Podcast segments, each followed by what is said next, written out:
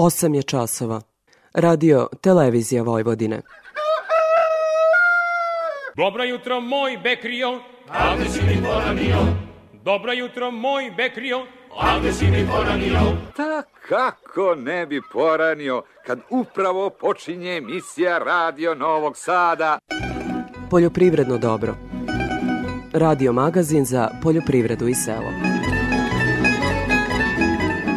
Pred mikrofonom je Đorđe Simović.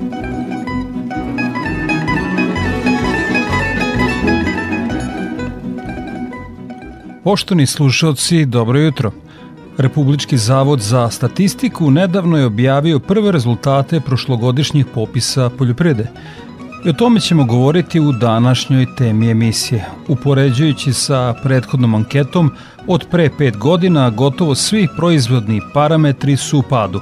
Nakon sprovođenja popisa poljoprivrede 2012. godine i ankete o strukturi poljoprivrede gazdinstava 2018 prošlogodišnji popis poljoprivrede trebalo je da obezbedi kontinuitet u prikupljanju strukturnih podataka iz oblasti poljoprivrede kako bi se bolje kreirala agrarna politika. Agrarni analitičar Žarko Galetin kaže da su profesionalci znali da su nam proizvodni parametri u padu, ali nije očekivao ovoliko loše rezultate. Da imate pad broja gazdinstava, da imate pad e, poljoprivrednog zemljišta za 21%. Gde je otišlo to zemljište? Prosto neverovatno.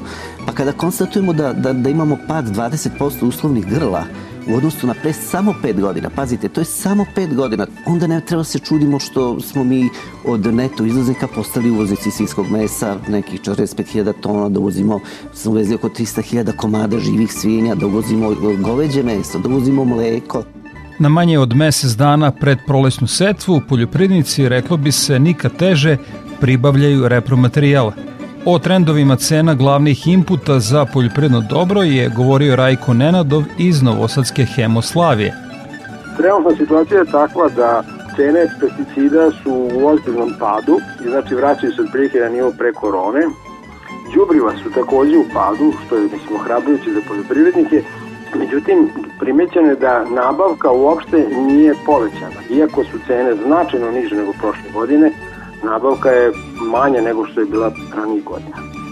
O ovome ćemo detaljnije govoriti u nastavku emisije. Vlasnici benzinskih stanica u seoskim područjima, a radi se o 103 firme, upozorili su da je njihovo poslovanje ugroženo uvođenjem NIS agrani kartica za dizel gorivo, jer sa njima poljoprivnici plaćaju litar dizela 179 dinara, što je niže od vele prodajne cene koje oni plaćaju nisu. Oni ukazuju na to da se te kartice često preprodaju firmama, prevoznicima i taksistima, što njih ostavlja bez mušterija. U saopštenju koje prenosi portal Energije Balkana navodi se da je 7. februara nabavna cena dizela za male vlasnike iznosila 185 dinara, a gorivo su prodavali za 6 dinara jeftinije nego što su ga platili. Oni traže da država hitno preduzme odgovarajuće mere.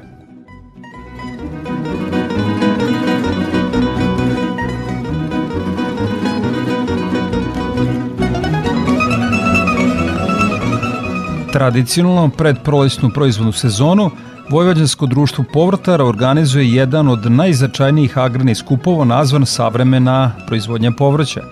Juče su se u Master centru Novosadskog sajma povrtari okupili po 23. put.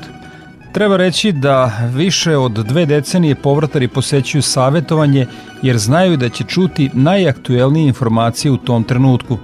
Ove godine između ostalog bilo reči o primjeni poljoprivrednih dronova u povrtarstvu, upotrebi fitohromona kako bi se biljke ojačale i smanjila hemijska zaštita, suzbijanju širenja virusa, uzrocima pojave otpornosti korova na herbicide i drugom. Predsednik Vojvođanskog društva Povrotar Žarko Ilin navode koje bi povrće moglo proizvođačima doneti najveći prihod ove godine – Posle paprike i paradajza tradicionalno je velika tražnja za kukuruzom, šećercom i u izvozu, a i na domaćem tržištu, zatim grašku i boranije i u novije vreme pre svega karfiola i brokole. Nedavno je u hotelu Sheraton u Novom Sadu održan prvi Kazanova festival rakije. Posetioci su bili u prilici da probaju više od 150 različitih voćnih rakija iz više od 30 destilerija. Festival je potvrdio da je sektor iz godine u godinu sve bolje. Festival su posetili ljubitelji destilata iz Novog Sada, cele Srbije, ali i regiona. Ivan Ćorić i sam proizvodi rakiju, a došao iz Đakova. Ja sam Ivan, dolazim iz Đakova, iz srca Slavonije. Čuli smo na internetu za ovaj festival i odlučili smo se doći ovdje e, i jako smo oduševljeni znači, izborom rakija i uslužnosti i ljubavlju prema rakijama općenito. Zadovoljni smo sa, sa izlaganjem i sa izlagačima. Nadam se da će se ovo ponoviti iduće godine. Toliko u uvodu slušamo šajku i pesmu Beogradski mali pijac.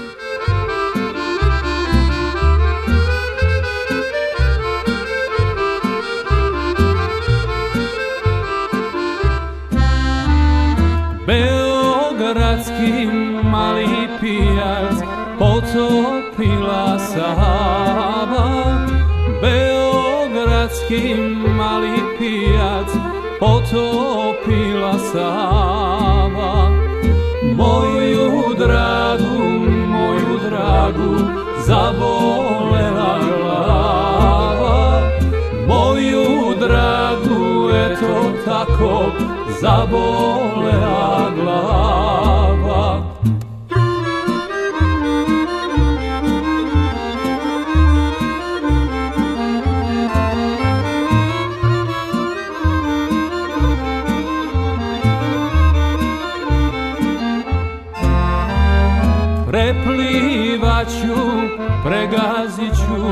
idú na vysávu, preplývaču, pregaziču, idú na vysávu. Da pronađem, da pronađem lekovitu travu, da pronađem to tako lekovitu travu.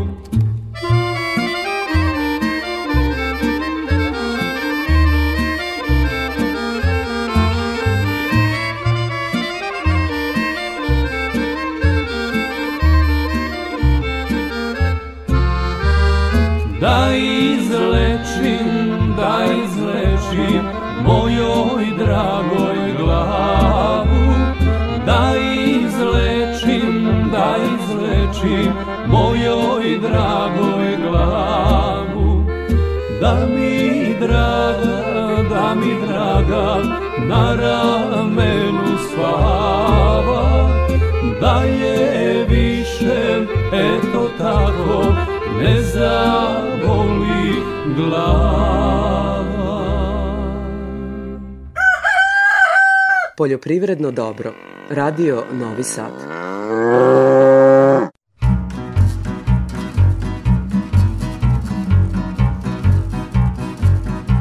U nastavku poljoprivrednog dobra sledi detaljnija agroprognoza Ljiljane Đengalaševića iz Hidrometeorološkog zavoda Srbije. Protekla sedmica obeležena je toplijim i suvim vremenom u odnosu na uobičajeno za ovo doba godine. Jutarnje minimalne temperature su u većini mesta južnije od Save i Dunava bila oko 0 stepeni, pri čemu su registrovani slabi do umereni mrazevi na celoj teritoriji Srbije.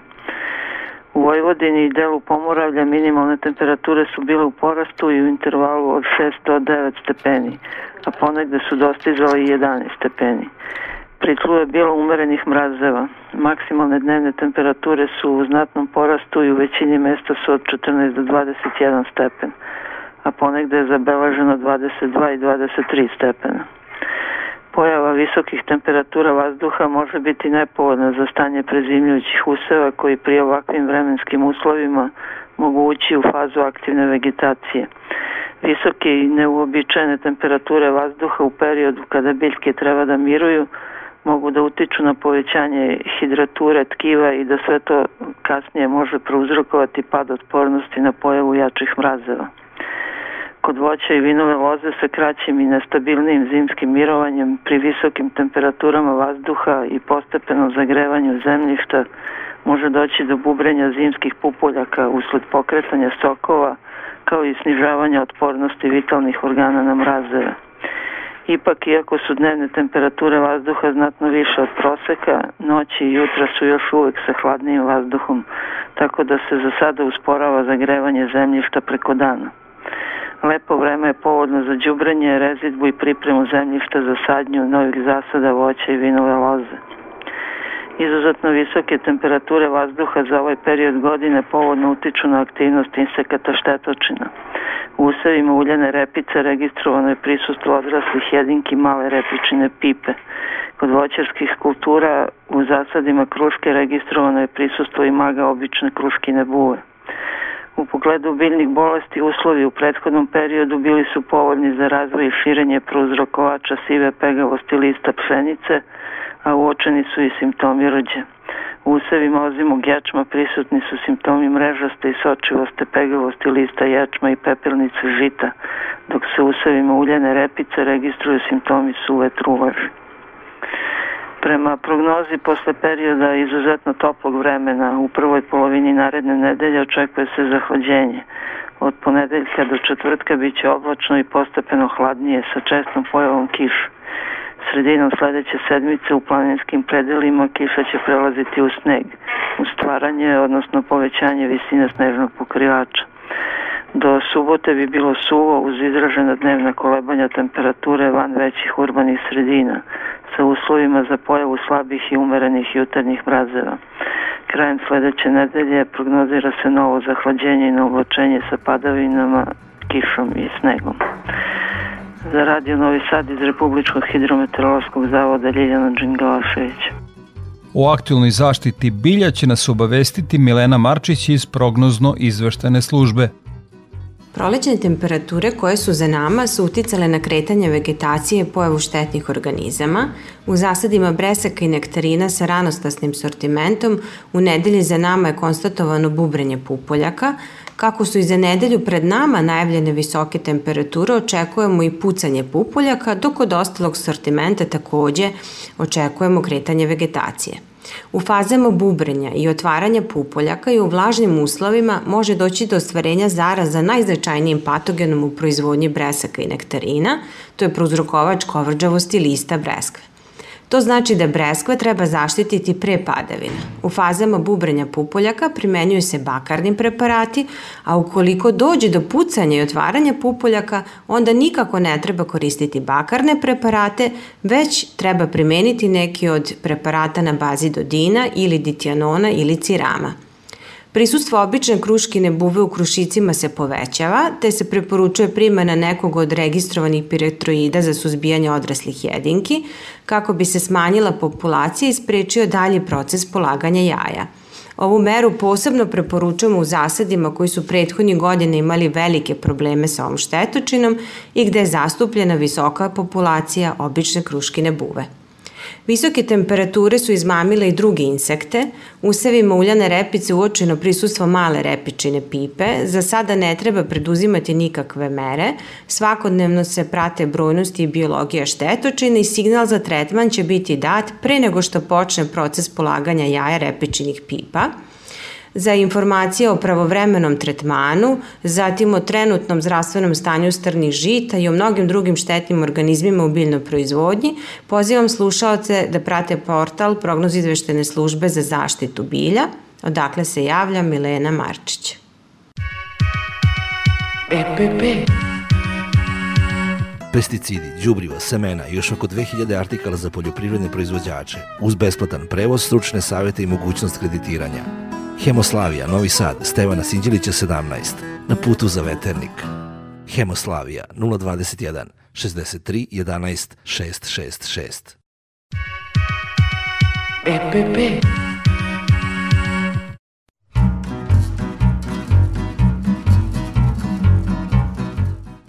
O prometu žitarica na produktnoj berzi više Andreja Kostić. Prošlonedeljna povećana tražnja odnosu na ponudu na tržištu kukuruza nastavila se i ove sedmice, pri čemu je bila izražena tražnja na paritetu CPT Luka i CPT Kupac. Krajem nedelje došlo je do povećanja ponude, te je primetna bila veća aktivnost i na strani ponude i na strani tražnje. Kukuruzom se trgovalo u cenovnom rasponu od 16,50 do 17 dinara po kilogramu bez PDV-a. Za razliku od prethodne sedmice, kada je pšenica izostala iz nedeljnog trgovanja, ove nedelje došlo je do povećanja aktivnosti na tržištu. Prvog radnog dana tražnja je bila primetno veća od ponude, a ponuda je tokom svih pet dana ostala slabija od tražnje. Pšenicom se trgovalo u cenovnom opsegu od 19,10 do 20,80 dinara po kilogramu bez PDV-a u zavisnosti od parametara kvaliteta. Na tržištu soje nije bilo većih aktivnosti, a krajem nedelje primetna je bila slabija ponuda. Cenovni raskorak između ponude i tražnje dodatno je otežavao zaključenje berzanskih ugovora. Sojenim zrnom se trgovalo u cenovnom rasponu od 52 do 52,50 dinara po kilogramu bez PDV-a uz obračun kvaliteta. Na tržištu đubriva tokom ove nedelje došlo je do povećanja aktivnosti. Trgovalo se u Reum po ceni od 48,65 do 49,48 dinara po kilogramu bez PDV-a u zavisnosti od pakovanja, a prometovana je urea na paritetu CPT kupac po ceni od 49,78 do 50 dinara po kilogramu bez PDV-a u zavisnosti od pakovanja. Zaključen je jedan berzanski ugovor za AN po ceni od 38,19 dinara po kilogramu bez PDV-a. Kada je u pitanju suncokretova sačma sa 33% proteina, zaključen je jedan berzanski ugovor po ceni od 29 dinara po kilogramu bez PDV-a. Od ostalih roba zaključen je jedan ugovor za stokšni ječam sa hektolitarskom masom 60 po ceni od 17 dinara po kilogramu bez PDV-a. Sa produktne berze Andreja Kostić.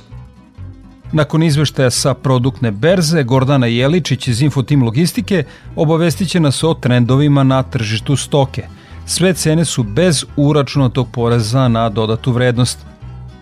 Tokom nedelje naši saradnici tovne svinje sa farme oglašavali su po ceni od 210 do 230 dinara po kilogramu, tovljanike sa mini farme po ceni od 200 do 210 dinara po kilogramu, tovljanike iz otkupa po ceni od 195 do 205 dinara po kilogramu. Ukupno je tržištu ponuđeno više od 1000 tovljanika. Tokom nedelje, plasman tovnih svinja sa farme dogovaran je po ceni od 220 dinara po kilogramu, dok su se tovljenici sa mini farme dogovarali po ceni od 210 dinara po kilogramu. Za iduću nedelju se pregovara cena za farmsku robu po 220 dinara po kilogramu. Prasaca farme oglašena su po ceni od 550 do 600 dinara po kilogramu, prasaca mini farme po ceni od 510 do 540 dinara po kilogramu, i prasad iz otkupa po ceni od 450 do 490 dinara po kilogramu. U ponudi smo imali oko 1000 prasadi. Prasadi sa farme trgovana su po ceni od 550 dinara po kilogramu. Nazimice za priplod ponuđene su po ceni od 50.000 dinara po komadu. Jagnjac su ponuđena po ceni od 470 do 510 dinara po kilogramu, Ovce za klanje ponuđene su po ceni od 185 dinara po kilogramu.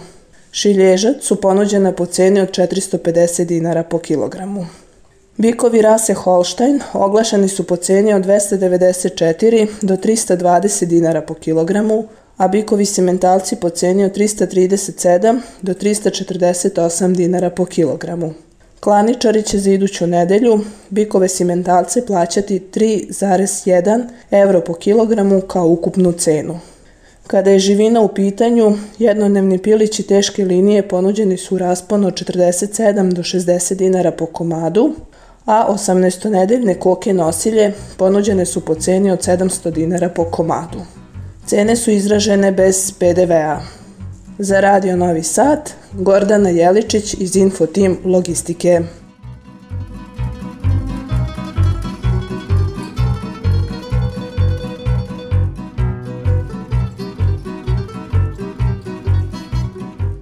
Ratari se uveliko pripremaju za prolesnu setvu koja će za manje od mesec dana. Digitron je u rukama, u opticaju su sve računske operacije – U mnogim dilemama je i Miomir Crveni, ugledni ratar u Turiji. To je pitanje za milion dolara. Uvek imamo želje lepe, a šta je stvarnost, ne može se reći. Ovo što smo imali unazad par godina, ali moramo da se malo vratimo nazad, dve godine suše, prošla godina, malo nevreme, neko led, nekom solidno bilo, to sad, tu se novci izvukli i sad stoji velika ulaganja za koje nema para. Šta nas tu čeka? Znači korišćenje tuđih sredstava koja koštaju cene robe su se tu negde stabilizovale na relativno niskom nivou i to je stvar koja nešto posebno ne obećava.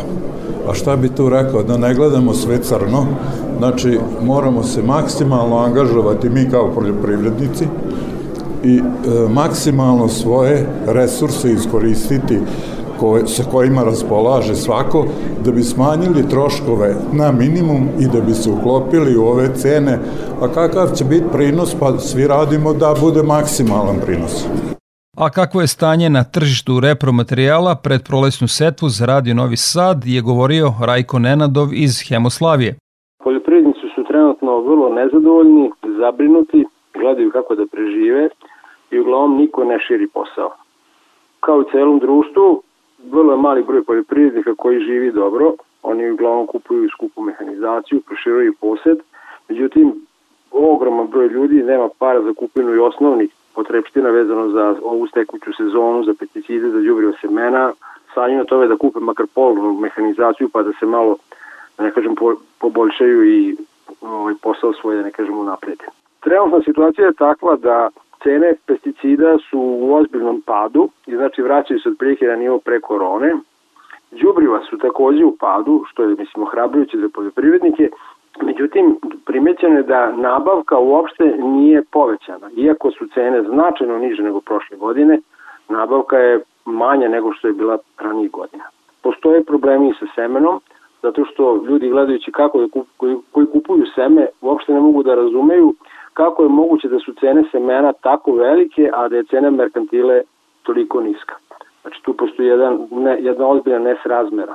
Mislim, interesovanje za sve inpute vezano za sezonu, đubriva, semena, pesticide je značajno slabija nego ranijih godina u ovo vreme.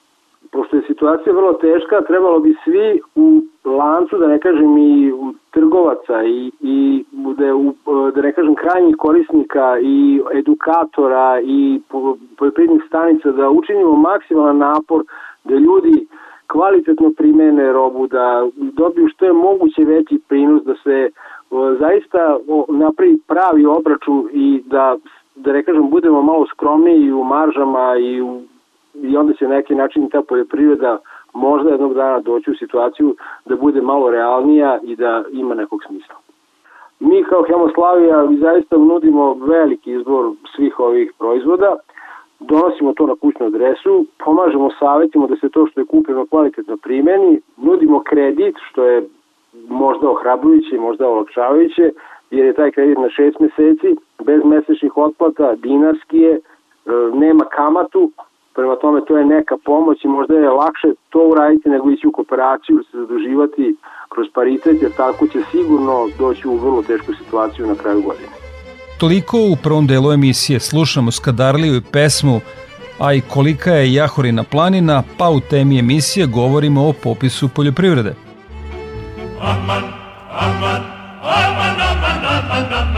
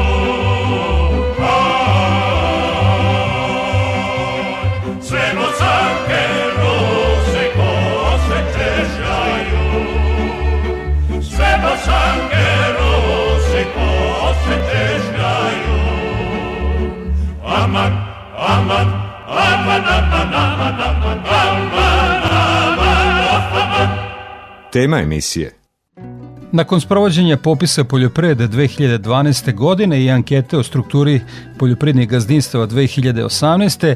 Realizacija popisa poljoprivrede 2023. trebalo je da obezbedi kontinuitet u prikupljanju strukturnih podataka iz oblasti poljoprivrede.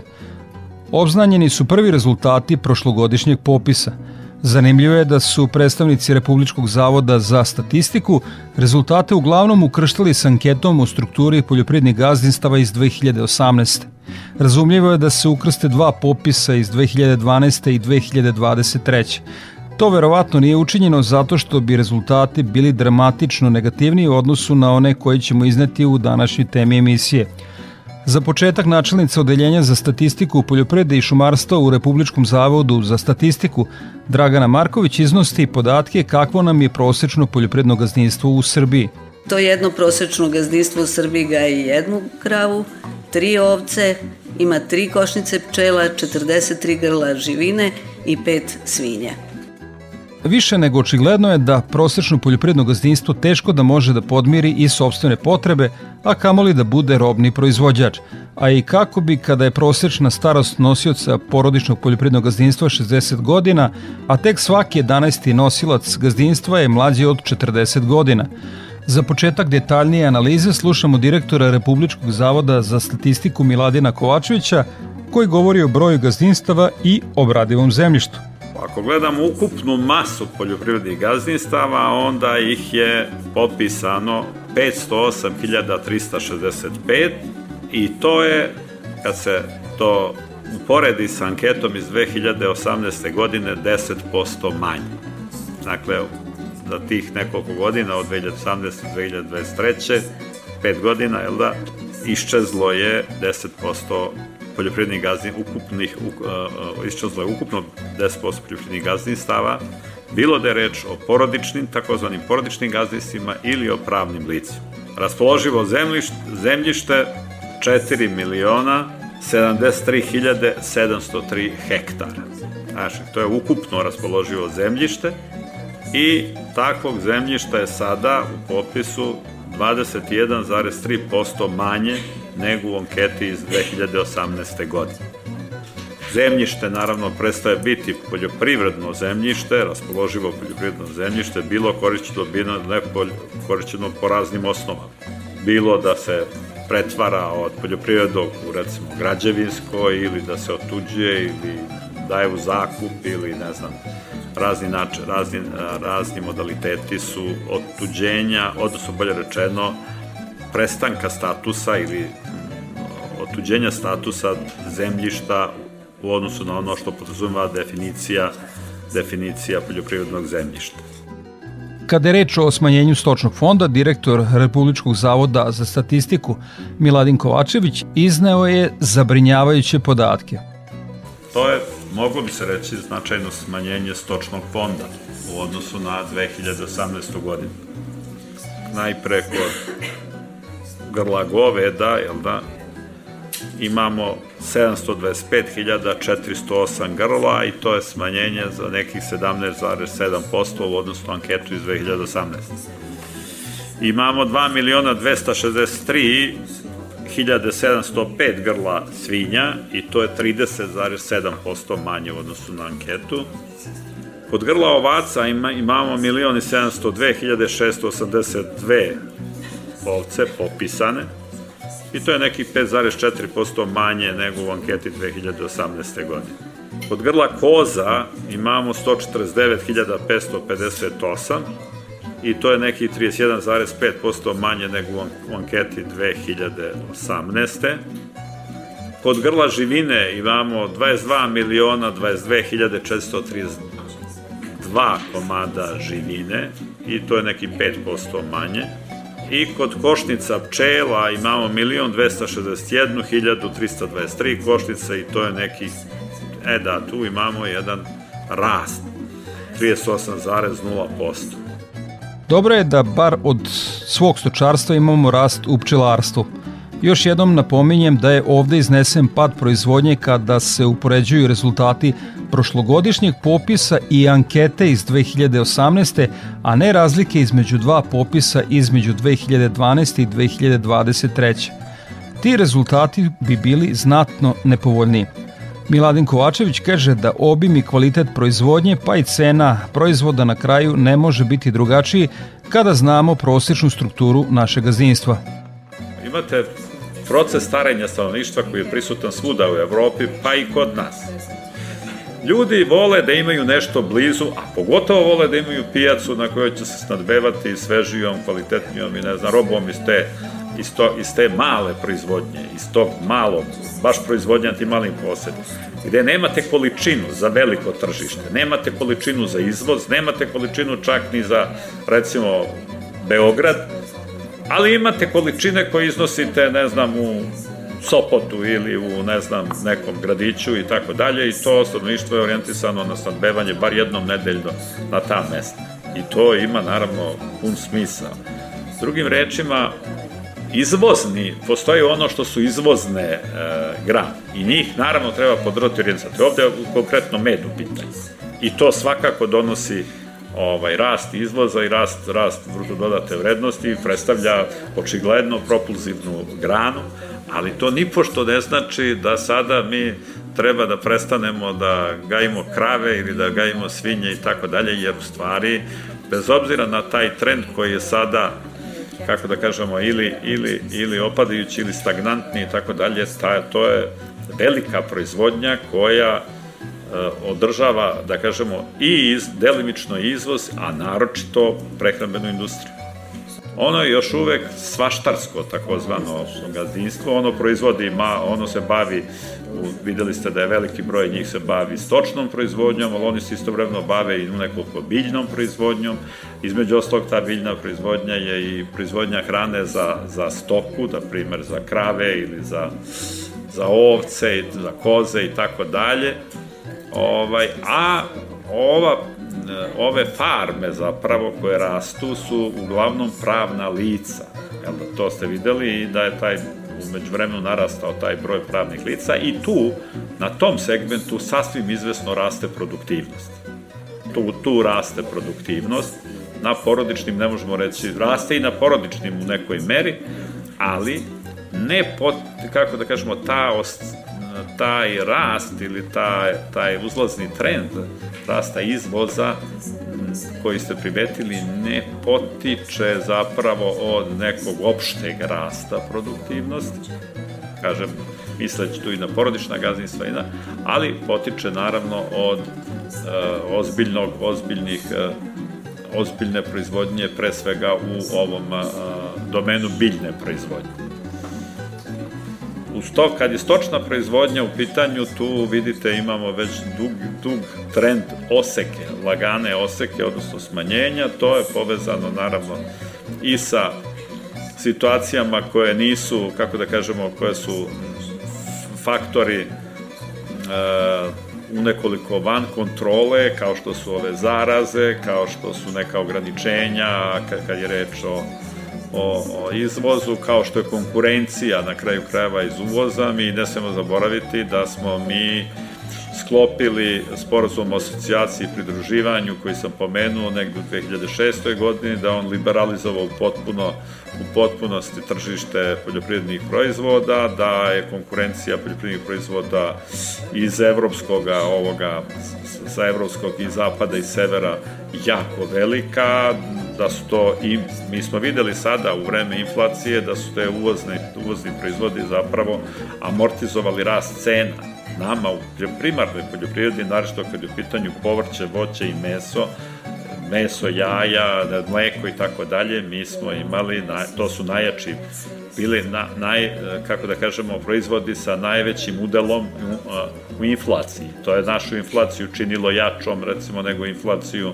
u eurozoni i tako dalje, ali zato je kroz uvoz proizvoda, poljoprivrednih proizvoda, primarnih i primarnih, jel da, i ne samo, ne industrijskih, zapravo primarnih proizvoda, pre svega ploće, povrće, mleko i za, za industriju i tako dalje. Dakle, ta, ta, je, ta je rast u dobroj meri amortizovan. Sada smo mi već blizu sa inflacijom ovim evropskim ili bar gornjem, gornjem, gornjoj granici ovih evropskih inflacija. To je sve zajedno posledica pada cena, jel da, i u domenu biljne proizvodnje i u domenu, u domenu stočne proizvodnje i povrtla, povrtarstva, povrtlarstva i voćarstva i tako dalje. Eto, što kažu, daj Bože da se ne ponovi taj talas, prete neki rizici, na primer, ne znam, ratne okolnosti na Bliskom istoku i tako dalje, mogu uticati na cenu nafte, cena nafte utiče na mnogo što šta, naročito na poljoprivredu i na poljoprivrednu proizvodnju. Miladen Kovačević ocenjuje da pad proizvodnih parametara poljoprivredna može da zahvali povećanoj industrializaciji. Dugo je prisudan trend trend pada broja poljoprivrednih gazdinstava. Samim tim prisutan je trend pada, recimo, ukupne, ukupne raspoložive e, poljoprivredne površine zemljišta, pa onda ovaj, posebno ovaj, zemljišta koje nije, koje, koje nije korišćeno, a takođe zemljišta koje je korišćeno, to je sve u skladu, pa onda je prisutan naravno trend smanjenja radne snage. Ali šta je, o čemu je tu reč? Reč je o tome da je Srbija u procesu reindustrializacije, industrializacije i reindustrializacije. Ovaj, intenzivno, posebno od 2015. godine, a i nešto ranije. Ovaj, I e, zemlje, kao što su evropske zemlje, su prošle kroz tu vrstu tranzicije, jel da, gde se udeo poljoprivrede u ukupnom brutodomaćem proizvodu smanjuje.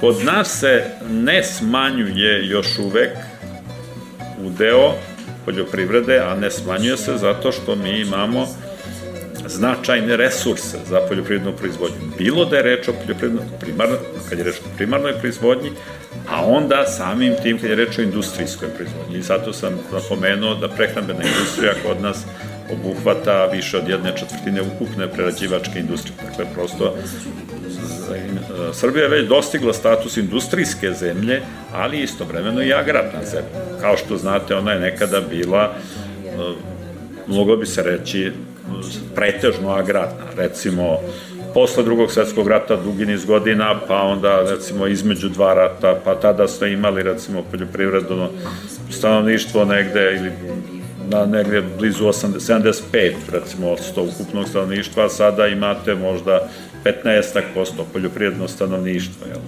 ali to još uvek nisu mali brojevi. Ja to mislim, govorim zato što je, moramo porediti sa trendovima i sa aktualnim stanjem u Evropi, odnosno u našem okruženju.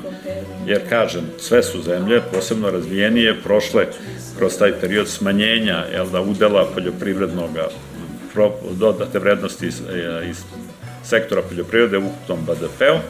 Neke su zemlje ostale veoma specializovane, jel da samo neke, kao što je, ne znam, eto, na primjer, Holandija, zemlje Beneluxa i, ne znam, Danska i delimično možda i ne, ne znam, Mađarska, na primjer, i tako dalje ali većina je zapravo industrializovana ili, ili veoma industrializovane zemlje i to jeste karakteristika progresa, dakle napretka u pogledu u smislu i rasta i strukture ekonomije. Industrializacija može biti samo jedan od uzroka pada obima poljoprivredne proizvodnje, ali ne i najvažniji. Prve rezultate popisa za RTV je komentarisao agrani analitičar Žarko Galetin. Iskreno da vam budem, mi, svi smo mi znali, pogotovo koji se bavimo analitikom ovaj, i koji ovim poslom, jel, pratimo poljoprivredu našu, da je naša poljoprivreda u nekom, nekim, nekom silaznom trendu što se tiče svih parametara manje više. Međutim, ovaj popis je lično mene iznenadio, više mi, da kažem ovako, ako mogu metaforički da se izrazim, liče neki nekrolog i na neko toliko su za pet godina, mi se, dakle, referentna godina s kojom se poredi ovaj popis gde su dati ti procenti e, je 2018. godina. To nije bio popis, to je bila anketa. Ali bez obzira na to, ajde da uzmemo ankete rađena na reprezentativnom uzorku i da kažemo da jeste to bila referentna godina, se možemo porediti s tom godinom. Ali ako vi konstatujete da imate pad broja gazinstava, da imate pad e, poljoprivrednog zemljišta za 21%. Gde je otišlo to zemljište? Prosto neverovatno. E, I pad, dakle, korišćenja poljoprivrednog zemljišta 48,5%, bezmalo polovina šuma nam je nestalo. Mislim, to su stvarno ekstremno zabrinjavajući rezultati. Pa kada konstatujemo da, da, da imamo pad 20% uslovnih grla u odnosu na pre samo 5 godina, pazite, to je samo 5 godina, onda ne treba se čudimo što smo mi od neto izvoznika postali uvoznici svinskog mesa, nekih 45.000 tona, da uvozimo, smo uvezli oko 300.000 komada živih svinja, da uvozimo goveđe meso, da uvozimo mleko, razumete, i onda nema mesta čuđenju e, e, svemu tome kada imamo situaciju da imamo preko 30% pad broja tovljenika svinja u odnosu na pre samo 5 godina. Zabrinjavajući podaci, ali stvarno zabrinjavajući podaci, mislim da je uh, jedan alarm onako upaljen i da bi država morala, morala definitivno da brzo da reaguje, da, da nešto učini, jer vi ako imate takav rezultat, takav rezultat je posledica nečega, a to nešto je naš odnos prema poljoprivredi, koji mora definitivno iz korena da se menja, kako, ne bismo, kako bismo sačuvali taj, taj prehrambeni suverenitet, samodovoljnost. Galetin kaže da povećanje subvencija ne bi značajnije promenilo ovu sumornu sliku i da bi državna davanja i džepa poreskih obveznika morala da prođu ozbiljniju reviziju. Subvencije u principu jesu do, dobra stvar, naravno što su veće, bolje za naše poljoprivredne proizvođače, ali uh, ja nekako sam pre tog uh, tih uh, tako linearnog i ad hoc dizanja tih subvencija, što kažem u, u principu dobro je, ali ja ne vidim ja nisam stvarno video da je napravljena neka ozbiljna procena, ne, neka ozbiljna evaluacija prethodnim godinama gde su te pare otišle, da li ima efekta od davanja tih subvencija takve kakve su. Ne vidim dakle da, da se rade ozbiljne analize kako se taj novac utrošio, da, kakvi su efekti tog, tog ulaganja u poljoprivredu. Mislim kada bismo to precizno uradili, da bismo imali bolje korišćenje i, i efikasnije korišćenje državnog novca u, u te svrhe. Mislim da je tu potrebna jedna ozbiljna, dublja analiza i na kraju krajeva i ozbiljna korekcija i da tako da, da pretresemo tu agrarnu politiku. I za kraj teme trebalo bi reći da je u popis poljoprivrede uložen veliki trud, ali i novac. Od 1. oktobra do 15. decembra prošle godine u anketiranju poljoprivrednika učestvovalo je 253 opštinskih koordinatora i 2852 popisivača koji su obišli 742.000 gazdinstava koji se bave nekim oblikom poljoprivrede. Toliko u temi emisije. Slušamo Tozovca i pesmu Jeremija.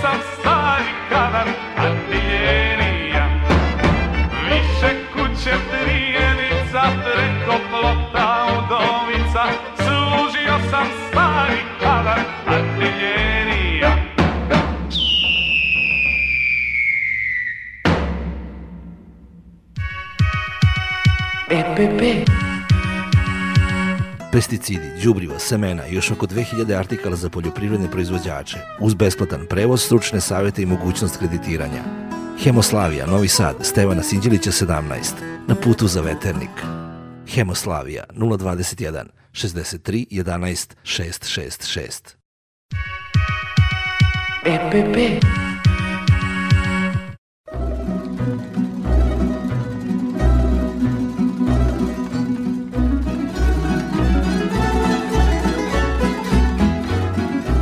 Nedavno je u hotelu Sheraton u Novom Sadu održan prvi Kazanova festival rakije. Posetioci su bili u prilici da probaju više od 150 različitih voćnih rakija iz više od 30 destilerija. Festival je potvrdio da je sektor iz godine u godinu sve bolji. O ideji za organizovanje festivala za Radio Novi Sad je govorio organizator Zlatko Živanić.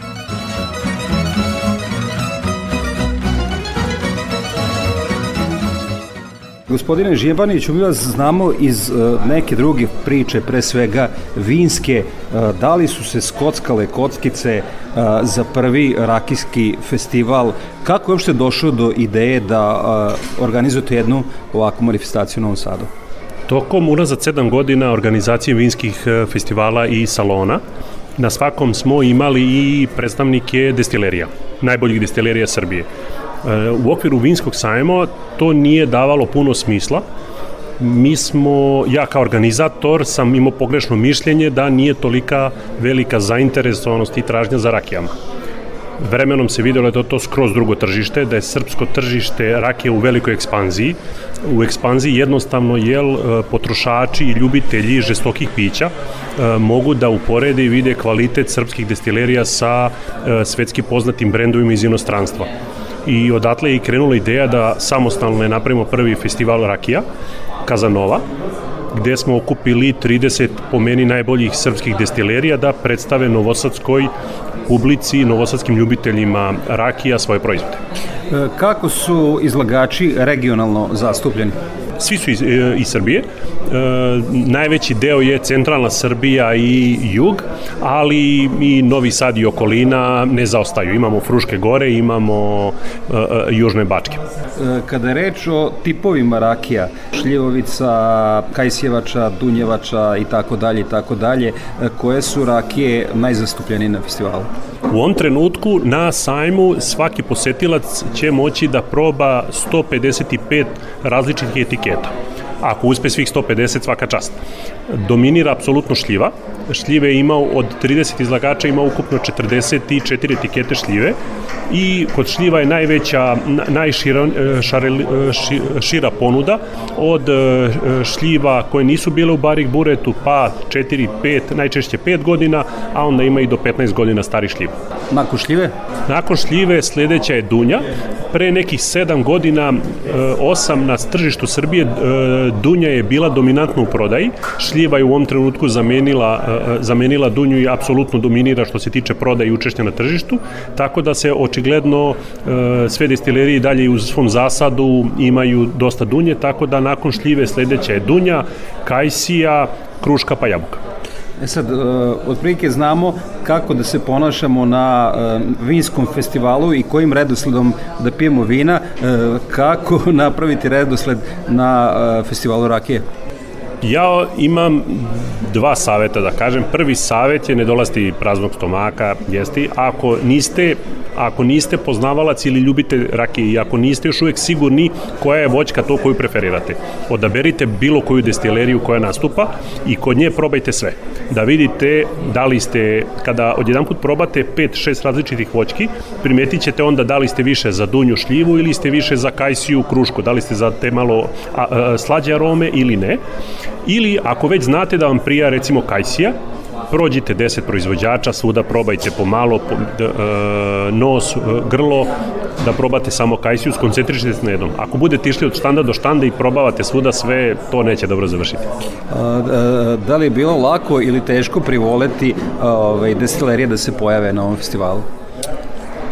Na moju sreću, zbog prethodnog iskustva i svih prethodnih organizacija nije bio problem privoleti ih.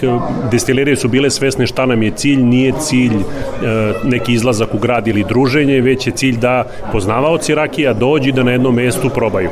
A naravno svaka destilerija je sigurna u svoj proizvod i nema problem sa konkurencijom i sigurno je da ona ima bolje artikala od ovih levo i desno od njega.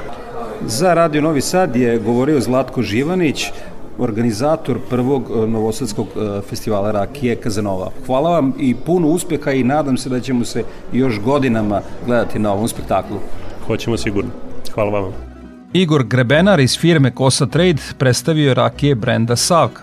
Proizvodimo pet ukusa rakija, to je šljiva, dunja, kajsija, viljamovka i jedan liker od višnje na koji smo jako ponosni. Da li sami proizvodite voće ili kupujete? Deo proizvodimo, to je dunja, imamo zasad Leskovačke dunje na Alibegovcu 1400 stabala, ostalo sve kupujemo i pažljivo biramo. E tako. A, u neformalnom razgovoru pre ovog a, snimanja rekli ste mi da ste oduševljeni idejom da se posebno napravi festival rakije i da se ne mešate vin, sa vinarima. Zašto? Upravo tako, zato što svako ko kad učestvujemo sa vinarima, svako ko prvo proba vino ne vraća se više na nas i mi ostajemo negde po strane. Ove godine sve pohvale za organizatora ovoga festivala iz kog razloga što na jednom mestu preko 35, ispravit ćete me ako, ako se ne varam, 35 destilerija je ovde danas gde je jedan divan doživljaj u Novom Sadu da probamo najbolju kapljicu naše države. Naprosto, pošto smo na radiju, nismo na televiziji, ne znate šta je lepše. M prostor, M dizajn flaše, M vrhunsko piće, M neka sofisticirana publika, novosađani njihovi gosti i vidi se po profilu publike da oni tačno su upućeni u vrhunske destilate. Tako je, u poslednjih par godina ljudi stvarno prepoznaju kvalitet. Što se tiče i pakovanja, ambalaže, svega, svi tu gledamo da se takmičimo u što boljem smislu, znači da izbacujemo svake godine neke nove ideje, nešto što bi prosto privuklo i našu elitu rakijsku. A da li su ljubitelji uh, rakije prepoznali kvalitet savke? Apsolutno, apsolutno. Mi smo jako mladi na tržištu, ljudi prepoznaju dobar kvalitet. Ponosni smo jako na šljivu, snabljavamo Horeku kompletno ovde u Novom Sadu, preko 254 objekta, od Kelebije do Nove Pazove, malo Beograda, malo izvozimo i budućnost je pred nama. Prvi Novosadski festival Rakija Kazanova posetili su ljubitelji destilata iz Novog Sada, cele Srbije, ali i regiona. Ivan Ćorić je došao iz Đakova iz Slavonije i sam proizvodi rakiju u destileriji Mustra. Ja sam Ivan, dolazim iz Đakova, iz srca Slavonije. Čuli smo na internetu za ovaj festival i odlučili smo se doći ovdje e, i jako smo oduševljeni znači, izborom rakija i uslužnosti i ljubavlju prema rakijama općenito. Zadovoljni smo sa, sa izlaganjem i sa izlagačima. Nadam se da će se ovo ponoviti iduće godine. Dakle, prvom Novosadskom festivalu Rakija Kazanova i da smo hteli nismo mogli da nađemo zamerku. Bila je privilegija izveštavati se jednog ovako prestižnog događaja. I za kraj emisije još jednom agroprognoza Ljiljane Đengalašević iz Hidrometeorološkog zavoda Srbije – Prema prognozi posle perioda izuzetno toplog vremena u prvoj polovini naredne nedelje očekuje se zahlađenje. Od ponedeljka do četvrtka biće oblačno i postepeno hladnije sa čestom pojavom kiša. Sredinom sledeće sedmice u planinskim predelima kiša će prelaziti u sneg, u stvaranje, odnosno povećanje visine snežnog pokrivača. Do subote bi bilo suvo uz izražena dnevna kolebanja temperature van većih urbanih sredina, sa uslovima za pojavu slabih i umerenih jutarnjih mrazeva. Krajem sledeće nedelje prognozira se novo zahlađenje i naoblačenje sa padavinama, kišom i snegom.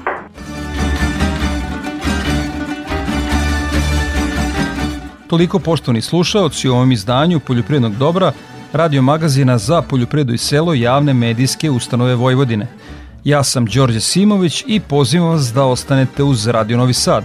Vašoj pažnji preporučujem ekološki magazin pod staklenim zvonom koji je na programu na Kovestiju 9. Svako dobro!